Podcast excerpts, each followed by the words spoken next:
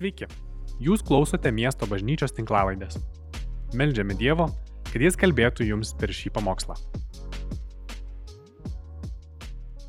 Sveiki.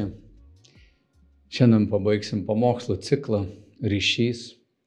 Ir mintis, kurias mes čiupinėjame, yra amžinos, nesibaigiančios.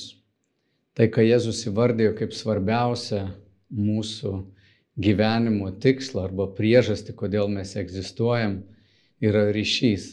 Mylėti Dievą, būti artimam ryšyje su juo ir mylėti savo artimą ir mėgsti tą ryšį, kad jame mes būtume priimti, jaučiami, matomi ir tokiu būdu rastumėm prasme savo gyvenimui. Jis iš tiesų paskyrė savo gyvenimą kažkam kitam, labiau nei meiliai Dievui, meiliai artimui, išeisim iš šitos planetos nuskurdę. O susikrovę meilės darbus išsinešim kaip turtą į amžinybę. Todėl Jėzus ir sakė, nekraukit turtų čia žemėje, kur kandis ėda ir vagis vagia.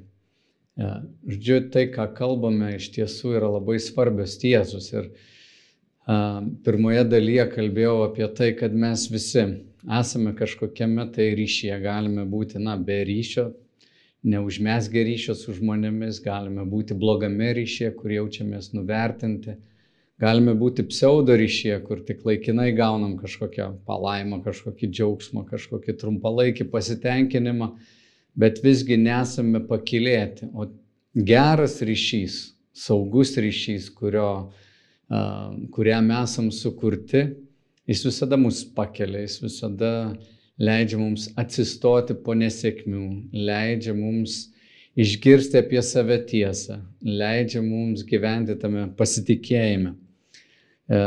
Antroje dalyje, gal pamenat, kalbėjau apie priraišumo teorijas, apie tai, kad na, saugus priraišumas, kuris susiformuoja per pirmuosius mūsų gyvenimo metus, reiškia, kad žmogus, kūdikis, yra nuolat nuraminamas, iš pavojų ištraukiamas ir pagodžiamas ir išmoksta jaustis saugiu, išgyvena tokį savireguliacijos mechanizmą savyje, kur gali ir pats rasti jau vėliau gebėjimą nusiraminti, bet į santykį jisai žvelgia kaip į tokią saugią vietą, tarsi namus savo širdžiai, kuris gali atstatyti santyki, jeigu įvyks ten konfliktas arba patyręs pavojus, jisai galės glaustis prie to suaugusio, prie savo mamos, vėliau galbūt prie sutoktinio ar kito draugo. Tai yra sveikas arba saugus priraišumas. Ir kalbėjom vėliau apie ir nesaugaus tokio arba nesveiko priraišumo um, formas ir kaip jos veikia mus Galiausiai tai paveikia netgi ir mūsų santyki su Dievu. Mes perkeliam tokį savo priraišumą, tai kaip mūsų smegenys veikia, perkeliam tai ir kitus santykius, ir į santykių su Dievu. Galime būti arba labai nutolę, tokie emociškai atsiriboję, negebantis paprašyti Dievo pagalbos, arba galim būti labai neužtikrinti e, dėl savo primtinumo, ne visada žinot, kad Dievas mus myli, nuolat išgyventi nerimą ir sunkiai pasitikėti tuo santykiu su Dievu, kad jis išliks dėl to, kad patyrėm, na, tokią nenuseklę priežiūrą savo vaikystėje arba galime tiesiog kaip tam dezorganizuotam priraišume, na, ieškoti paguodos pas Dievą, bet tuo pačiu metu nuolat jo bijoti. Tai toks, na, sutrikęs elgesys. E, ir trečioje dalyje aš kalbėjau apie įsižeidimus ir apie tai, kaip santykis gali būti sukriautas ir kaip piktasis, kaip įvairios dvasinės jėgos jos ir stengiasi sugriauti mūsų santykį su tėvu ir mūsų santykį vienas su kitu. O šiandien noriu kalbėti mums apie gyvenimą bendruomenėje, e, nes tai yra slėpiningas Dievo veikimas. Bonhoferis yra parašęs savo gyven, knygoje Gyvenimas kartu tokius žodžius. Bažnyčios bendruomenė tai ne filosofinė ar teologinė minties sistema, bet Dievo paskutinis savęs apreiškimas, jog jis pats yra bendruomenėje esantis Kristus. Tai yra paslaptis. Jėzus pasakė, kur du arba trys susirinks mano vardu, ten ir aš būsiu tarp jų. Ten, kur du arba trys Jėzaus vardu susirenka, tai būtų uh, trys, keturi žmonės, sėdi ratelėje. Ir jeigu jie yra susirinkę su tokia nuostata, kad Kristau mes esam čia tavo vardu, esam atpirkti, nuplauti, tikintis tavimi, tai ta bendruomenė išgyvena ypatingą Dievo artumą. Išgyvena patį Kristų juose ir tarp jų. Ir tai yra šventas ypatingas ryšys.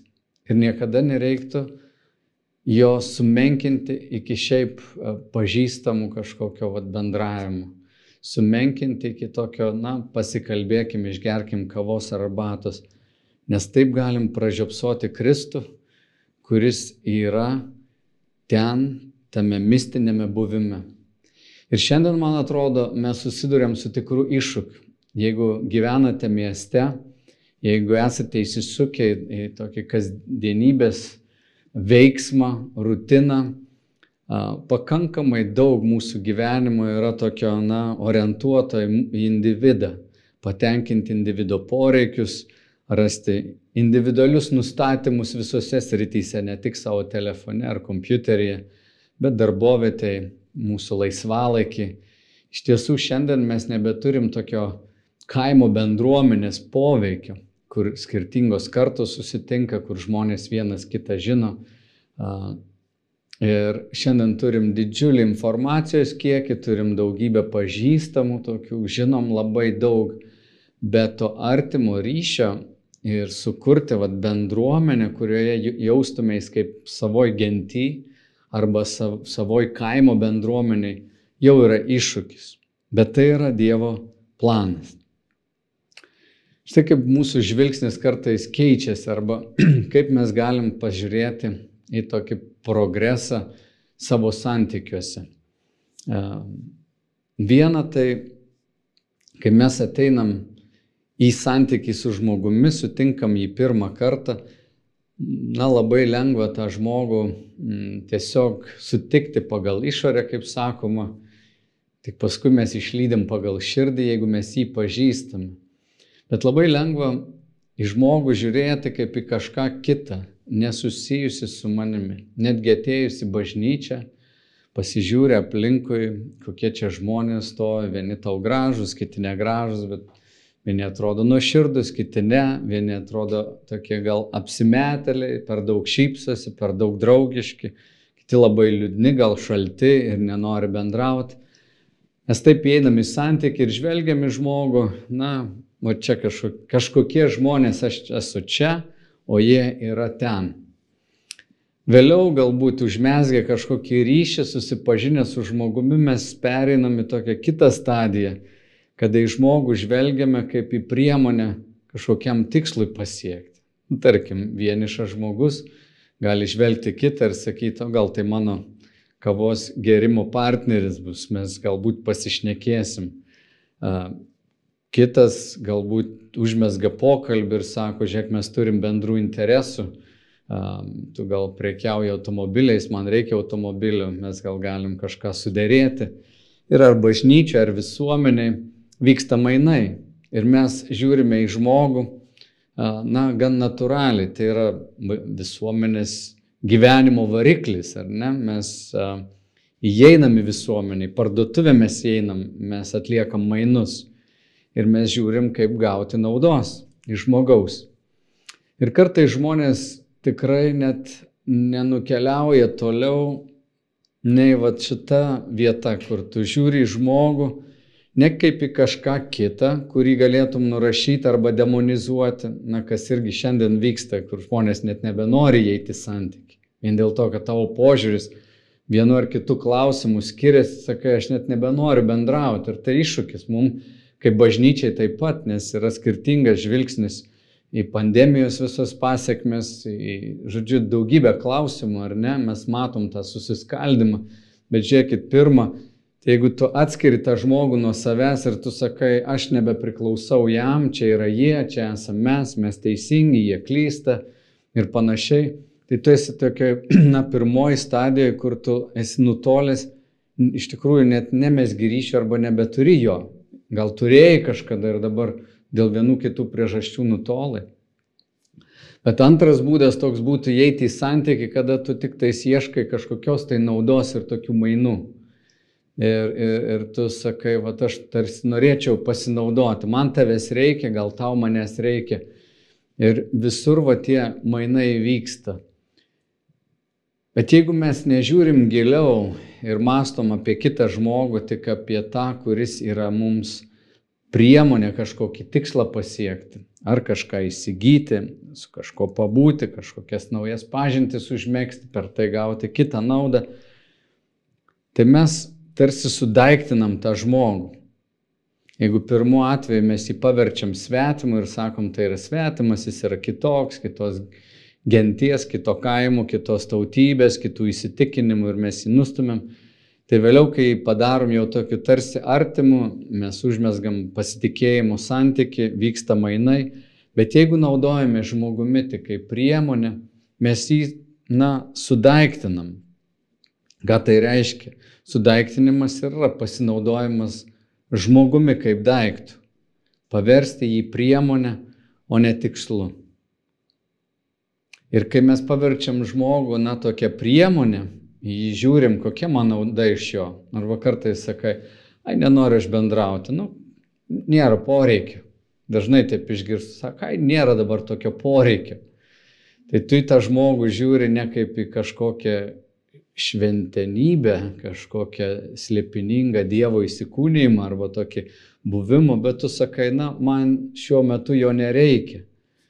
Tu žvelgi vis tiek jį kaip į priemonę. Šiandien tau jo nereikia, na, gal rytoj, jeigu reikės, aš jį pasišauksiu. Bet tai yra toks, na, labai savanaudiškas ir negilus žvilgsnis į santyki tikrai nėra tai, kam Dievas mūsų sukūrė.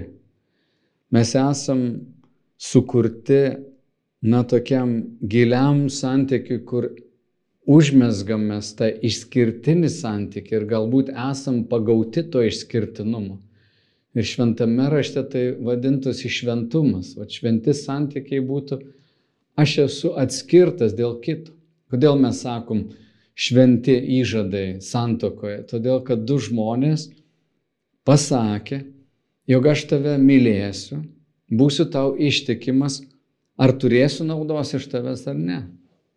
Ar tu man būsi gražus, o paskui gal tapsi negražus, aš tau dovanoju save, tu man dovanoji save.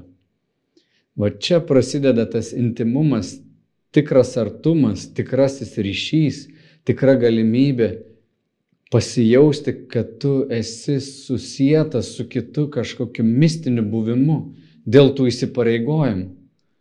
Vargas, jeigu žmonės per juokus duoda tokią santokos, na, tokius įžadus ir sako, ką tas popierėlis reiškia, ką tie žodžiai reiškia. Ir lieka toj stadijoje, kai jie naudojasi vienas kitu. Sumenkina kitą savo partnerį tik tais, kad gautų iš jo kažkokios naudos mes kaip žmonės sukurti daug gilesniam, prasmingesniam santykiui. Ir bendruomenė yra ta mistika. Tai yra toks žydų filosofas, miręs jau 1967 metais, mirė Martinas Buberis. Jisai parašęs tokią knygą, kuri, na, patenka į tų geriausių knygų, tokį dešimt, ne dešimtuką ar šimtuką praeitam šimtmetį bet tikrai įspūdinga knyga, kuriame jisai gvildena va šią temą apie santyki. Knyga vadinasi Aš ir jūs ir jis naudoja tą formą, tokią pagarbę formą, ar ne jūs, kad į kitą žmogų galime kreiptis kaip jūs, bet ne tik žodžių prasme, bet jis gvildena apskritai va tą visą mistinį buvimą, kuriame Dievas apsireiškia tarp dviejų žmonių. Ir apie šitą panaudojimą vienas kito kaip priemonė, jis sako, tarp manęs ir tavęs jokia priemonė negali įsikišti, joks godumas, joks lūkestis. Kiekviena priemonė yra kliūtis. Tik tuomet, kai visos priemonės išnyksta, įvyksta tikrasis susitikimas.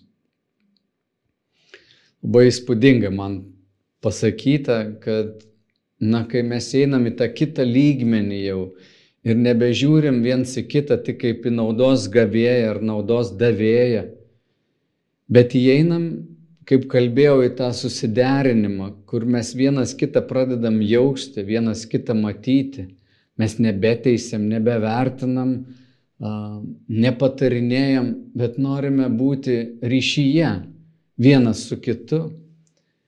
E, kaip Adomas ir Jėva, kurie stovėjo vienas prieš kitą nuogi ir nesigėdėjo, kur nėra paslapčių, kur nėra skubėjimų, kur nėra manipuliavimo, spaudimo ir kažkokių lūkesčių pridėtų, kad tu turi įvykdyti tai ir anai, tu turi tai ir tai dėl manęs padaryti. Ir vienas iš kito kažko reikalauti, bet leisti vienas kitam būti toje šventoje žemėje, savo širdžių šventoje žemėje, kur vienas kitą girdime, vienas kitą matome, vienas kitu džiaugiamės.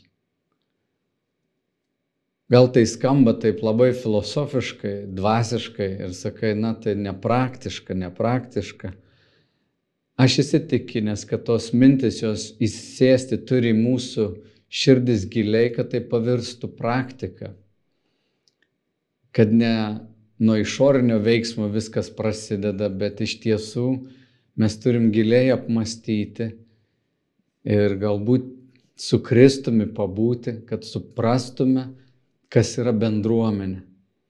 Kad kai Jėzus sako du ar trys ir aš esu tarp jų, tame bus ir gilios praktinės išraiškos.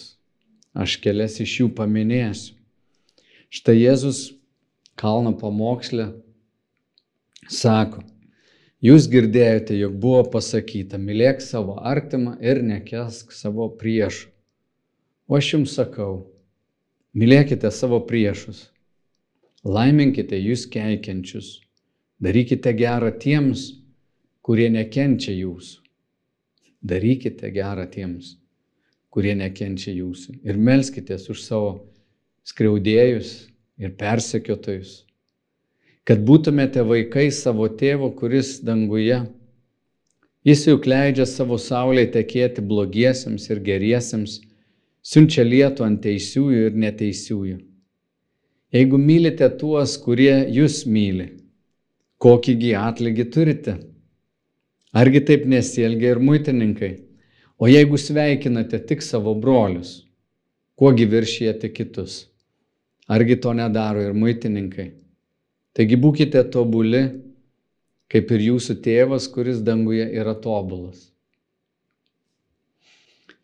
Jėzaus raginimas čia yra inicijuoti elgesį arba pradėti žvelgti į žmonės, kurie ne tik, kad nėra mūsų artimi draugai, bet gali būti ir mūsų priešai.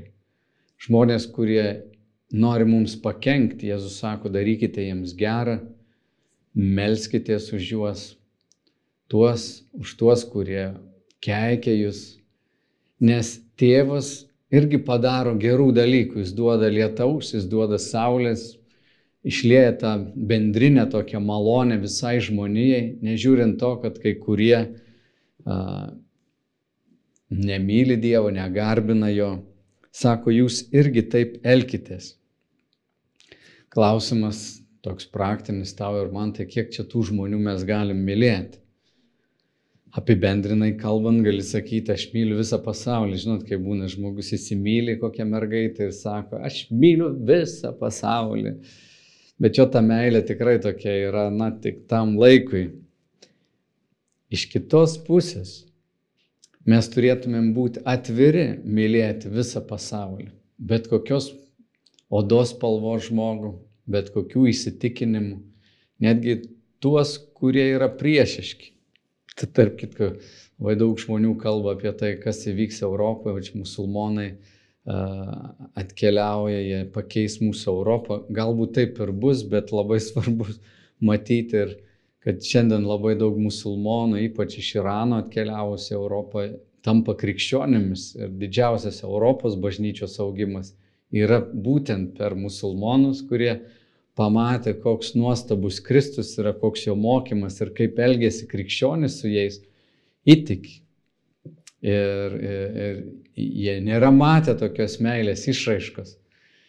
Tai iš tikrųjų mes turim būti atviri visiems žmonėms, bet taip pat praktiškai kalbant, būkim atviri Dievo ženklams ir pažiūrėkim, kuriuos žmonės Jėzus atves į mūsų gyvenimą sakoma, kad gil, ger, geroj draugystė ar gilioj draugystė gali būti, na, su trim žmonėmis, gal su penkiais. Jėzus turėjo burelį dvylikos, ar ne, su, su trim ypatingą tokį ryšį turėjo, trim apaštalais iš dvylikos. Na, tai yra pavyzdys. Mes dėl to bažnyčioje darom triadas ir sakom, susiburkite, du, trys, keturi žmonės į grupelę galbūt trys, vadinam triadą, bet jeigu yra keturi, ne problema. Ir ten Kristus bus tarp jūsų.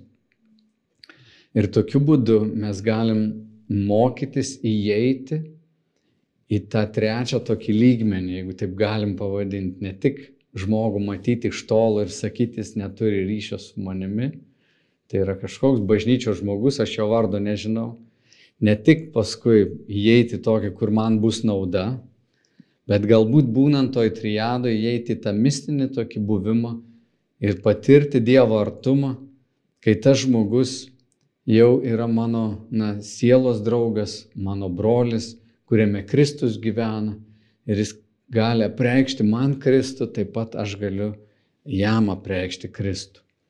Ir su juo būdamas aš galiu um, vykdyti Kristaus įsakymą. Jis mokiniams pasakė, aš jums duodu naują įsakymą, kad jūs mylėtumėt vienas kitą. Taip kaip aš jūs pamilau, kad ir jūs mylėtumėt vienas kitą. Kai jūs tai darysit, sako, iš to pažins visas pasaulis, kad jūs esat mano mokiniai. Jėzaus pagrindinė tokia savybė kaip mokytojo, kaip mesijo buvo meilė. Ne moralinis mokymas, ne taisyklės, ne nemaldingumas, bet meilė. Visa tai, ką Jėzus darė, svarbiausia buvo iš meilės ir meilė buvo, na, kulminacija, svarbiausias dalykas. Tam mes esam ir pašaukti. Jėzus yra mūsų meilės pradžia. Jis mus visus pamilo, iš jo ateina meilė, jis siuntė savo šventąją dvasę, e, e, per kurią jis išlėjo Dievo meilę į mūsų širdis. Ir kiekvienas krikščionis, kuris atgimė iš aukšto, iš naujo, kuris dvasiškai yra atgimęs ir priemė šventąją dvasę, turi Dievo meilę gyvenančią jame. Todėl jam taip svarbu, kad ta Dievo meilė keistų jo mintis ir jo protas būtų perkeistas. Ir tai, kas buvo jame pažeista, tas nesaugus priraišumas, įtarumas, nerimas, kuris ateina į santykius, gali būti gydomi būtent santykyje. Juk tie, kurie iš mūsų esam sužeisti santykyje, dažnai norim iš jo pabėgti. Dievo kelias yra kaip tik įeiti į santykį, kurti jį naujai, mokytis. Ir aš raginu tave neišsigasti, raginu tave, net jeigu esi patyręs nusivylimų, nenusivilk Kristumi, nenusivilk bažnyčia, nes joje Kristus ir žmonės aplink tave gali tave gydyti. Tai yra išgymo vieta. Krikščioninė vieta pabėgti kažkur ir, nežinau, ieškoti nusiraminimo kažkame kitame. Mūsų sužeidimas, mūsų va, tas nesaugus priraišumas ir bus gydomi per šventąją dvasę, santykiuose, bažnyčioje. Žinoma, nebus ten tobula, nebus viskas labai lengva, Bet per tą sunkumą tu ir atrasi išgyjimą, tu ir atrasi pakantumą, tu ir atrasi prieimimą savęs, kitų žmonių, kurie gali tave pamatyti ir tave priimti. Apaštalas Paulius sako, nešiokite vieni kitų naštas ir taip įvykdysite Kristaus įsakymą. Taigi dalis to mylėjimo žmogaus yra nešioti jo naštą Apie kokią naštą Paulius kalba.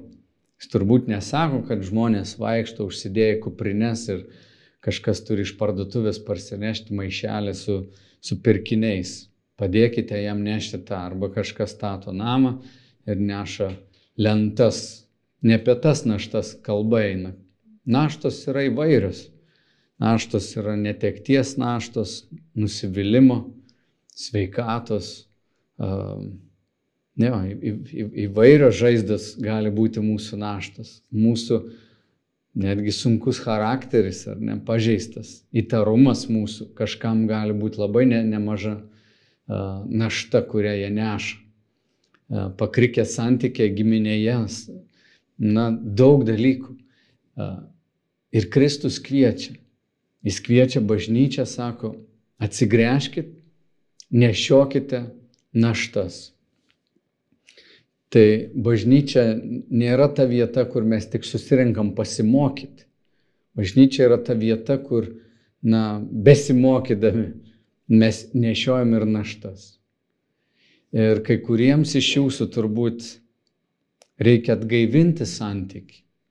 Galbūt esantiems tokiam nusivylimė ar įsižeidime, reikia atgaivinti jį vėl, reikia atsiverti ir sakyti, okei, okay, galbūt galiu vėl eiti pažeidžiamumą. Aš tikrai matau, ką padarė va šitie praeiti metai, kiek daugeliu susikūrė naujų įpročių ir, ir kai kurių žmonių taip ilgai nemačiau su vienu žmogumi kalbėjau nesenai, sakau, kodėl nebeteini pamaldas. Ai, sako, man ir taip gerai. Sako, aš girdžiu žodį, pasiklausau pamokslų video. O kaip sakau, dėl Dievo buvimo? Kaip dėl garbinimo kartu? O kaip dėl maldų būnant kartu? O kaip dėl atgailos, kada susirinkę mes išgyvenam va tą slėpiningą Kristaus buvimą, esam jo meilės paliesti. Ar tu išgyveni tą sėdėdamas namuose prie kompo ar prie teliko? Daugelis iš jūsų taip žiūrite, turbūt didžioji dauguma.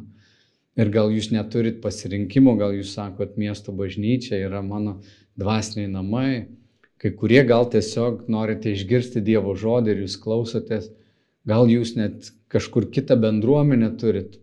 Bet aš raginu jūs niekada neiškeisti tiesiog informacijos klausimusi Dievo žodžio į bendrystę, kurią Kristus kūrė per savo buvimą, kur du ar trys yra susirinkę kartu. Neiškeisk niekada ir ne, netap tokiam na, pseudo santykėje su bažnyčia, kai tu per atstumą tik tais turi ryšį. Aš labai raginu tave atverti savo širdį.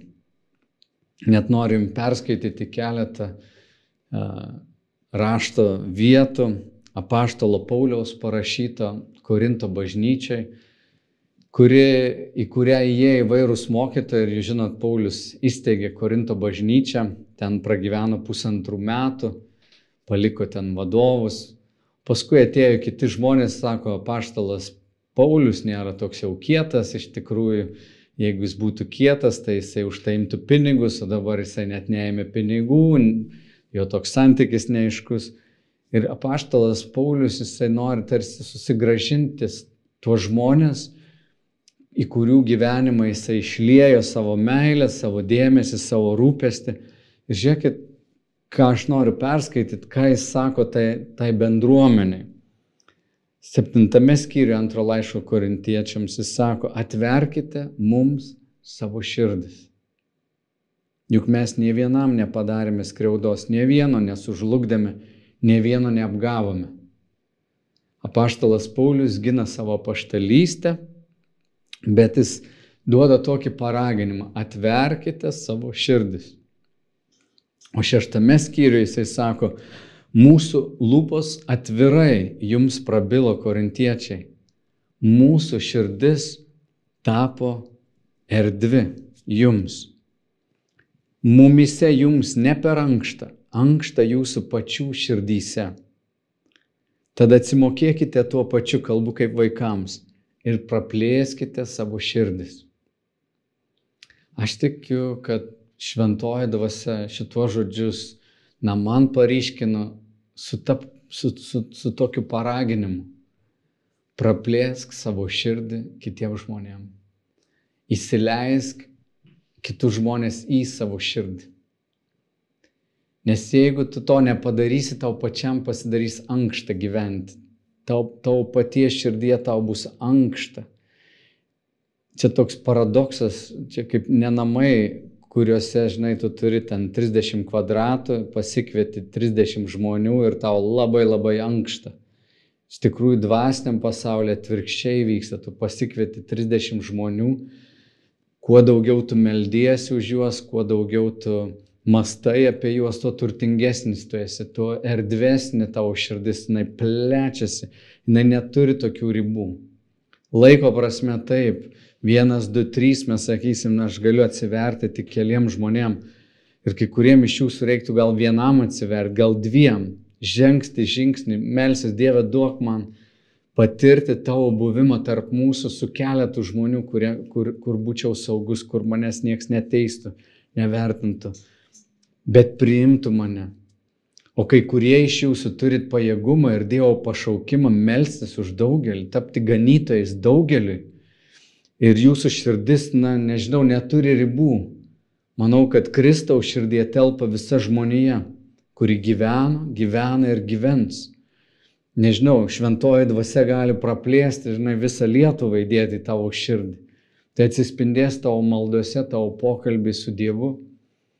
Bet kai kuriem iš jūsų reikia atverti duris tiem žmonėm, kurie ten buvo, jų, jų nebėra, jie išėjo iš tavo gyvenimo. Susigražink juos, pasikvies, paskambink, pasimels galbūt prieš tai. Taigi, tas įsakymas, einu į pabaigą, nėra atšauktas. Mylėkite vieni kitus, kaip aš jūs pamilau. Mums gyventi bendruomenė yra privilegija. Mes esame miesto bažnyčia, surinkti vienam tikslui, skelbti Evangeliją, mylėti vienas kitą ir tokiu būdu apreikšti pasauliui kad esam jo mokiniai, tai yra tikra dovana. Artima draugystė reiškia, kad tu ir aš mes išgyvenam Kristų tarp mūsų ir mokomės kartu pažinti jį. Mes išmokstam susiderinti, atspindėti vienas kitą, neteisti, bet būti tam, kaip sakiau, tam pačiam vaibė, toj pačioj bangoje. Visų pirma, atrasti ryšį, aš jaučiu tave Aš jaučiu, kada tu liūdnas, aš jaučiu, kada tu linksmus. Aš jaučiu, kada tu nori tiesiog pailsėti, o kartais mums reikia pasilinksminti. Aš tave jaučiu. Tai yra brangi erdvė. Paprašyti pagalbos, kai kuriem iš jūsų reikia mokytis prašyti pagalbos. Taip, gal tu turi tą vengiantį priraišumą. Galbūt nuo vaikystės išmokai pats savim rūpintis. Aš įsitikinę šventojo dvasia tave vesi tą pažeidžiamumą, kur tau kvies tave nuolat pasipasakoti, kvies tave iškalbėti tavo emocijas, nes jos veikia tavo dabartį. Ir šventoji dvasia tave kvies paprašyti pagalbos ir kai kurias maldas net neatsakys, kol tu nepaprašysi kito su tavimi melstis. Nes Dievas nori mūsų vesti į bendrą priklausomybę. Šventoji dvasia kai kurios pakvies nešioti naštas, išpažinti nuodėmes ir turėti atsiskaitomybę. Šita erdvė yra saugi erdvė, bažnyčia yra saugi erdvė. Todėl Jonas ir rašo, sako, jeigu mes vaikščiame šviesoje, kaip jis yra šviesoje, mes turime bendravimą vienas su kitu. Ir Jėzaus Kristaus kraujas apvalo mus nuo nuodėmų. Štai kur paslaptingas, nuostabus Jėzaus buvimas. Kai mes susirenkam kartu, melžiamės, tiesiog įeinam į šviesą, išpažįstam jam nuodėmės, jis mūsų apvalo, mes išeinam kitokie, mes išeinam perkeisti. Ir kai mes esam kartu, mūsų įsitikinimai, mūsų vertybės padaro didžiulę įtaką mūsų vienas kitam. Taigi bažnyčia, mūsų gentis, mūsų bendruomenė kaimo, kurioje mes esame, yra dovana mums. Jos kuriejais mes esame po mūsų viešpaties Jėzaus valdžia, kuris yra bažnyčios galva. Jis netidavė bažnyčios nusavybės niekam kitam prižiūrėti. Mes esam tik bendradarbiai, bet jis yra šeimininkas, jis mirė už mus, kad mus visus sujungtų, suvienytų meilės ryšiais. Ir aš meldžiu šventoji dvasia, duok malonę mums būti tokiam artimam ryšiai. Aš meldžiu šventoji dvasia, kad tu kiekvieną, kuris girdi šitos žodžius, įvestum į artimą ryšį. Kad kiekvienas turėtų tą savo artimą bendruomenę, kurioje išgyvena tave Jėzau, išgyvena tavo buvimą, tavo artumą. Palaimink, sujungti, tampa bažnyčia mūsų bendruomenė, bet ir melžiam už visas Lietuvos bažnyčias, kad jos taptų, na, ta vilties vieta, ta įkūnita viltimi, kur saugus priraišumas, kur geri santykiai, geras ryšys yra patraukliausias dalykas, kuris atspindi tave viešpatė Jėzų. Įvesk mus į šventumą dėl savo vardo. Amen. Ačiū, kad klausėte. Daugiau informacijos rasite mūsų svetainėje miestobažnyčia.lt arba Facebook, Instagram ir YouTube paskiruose.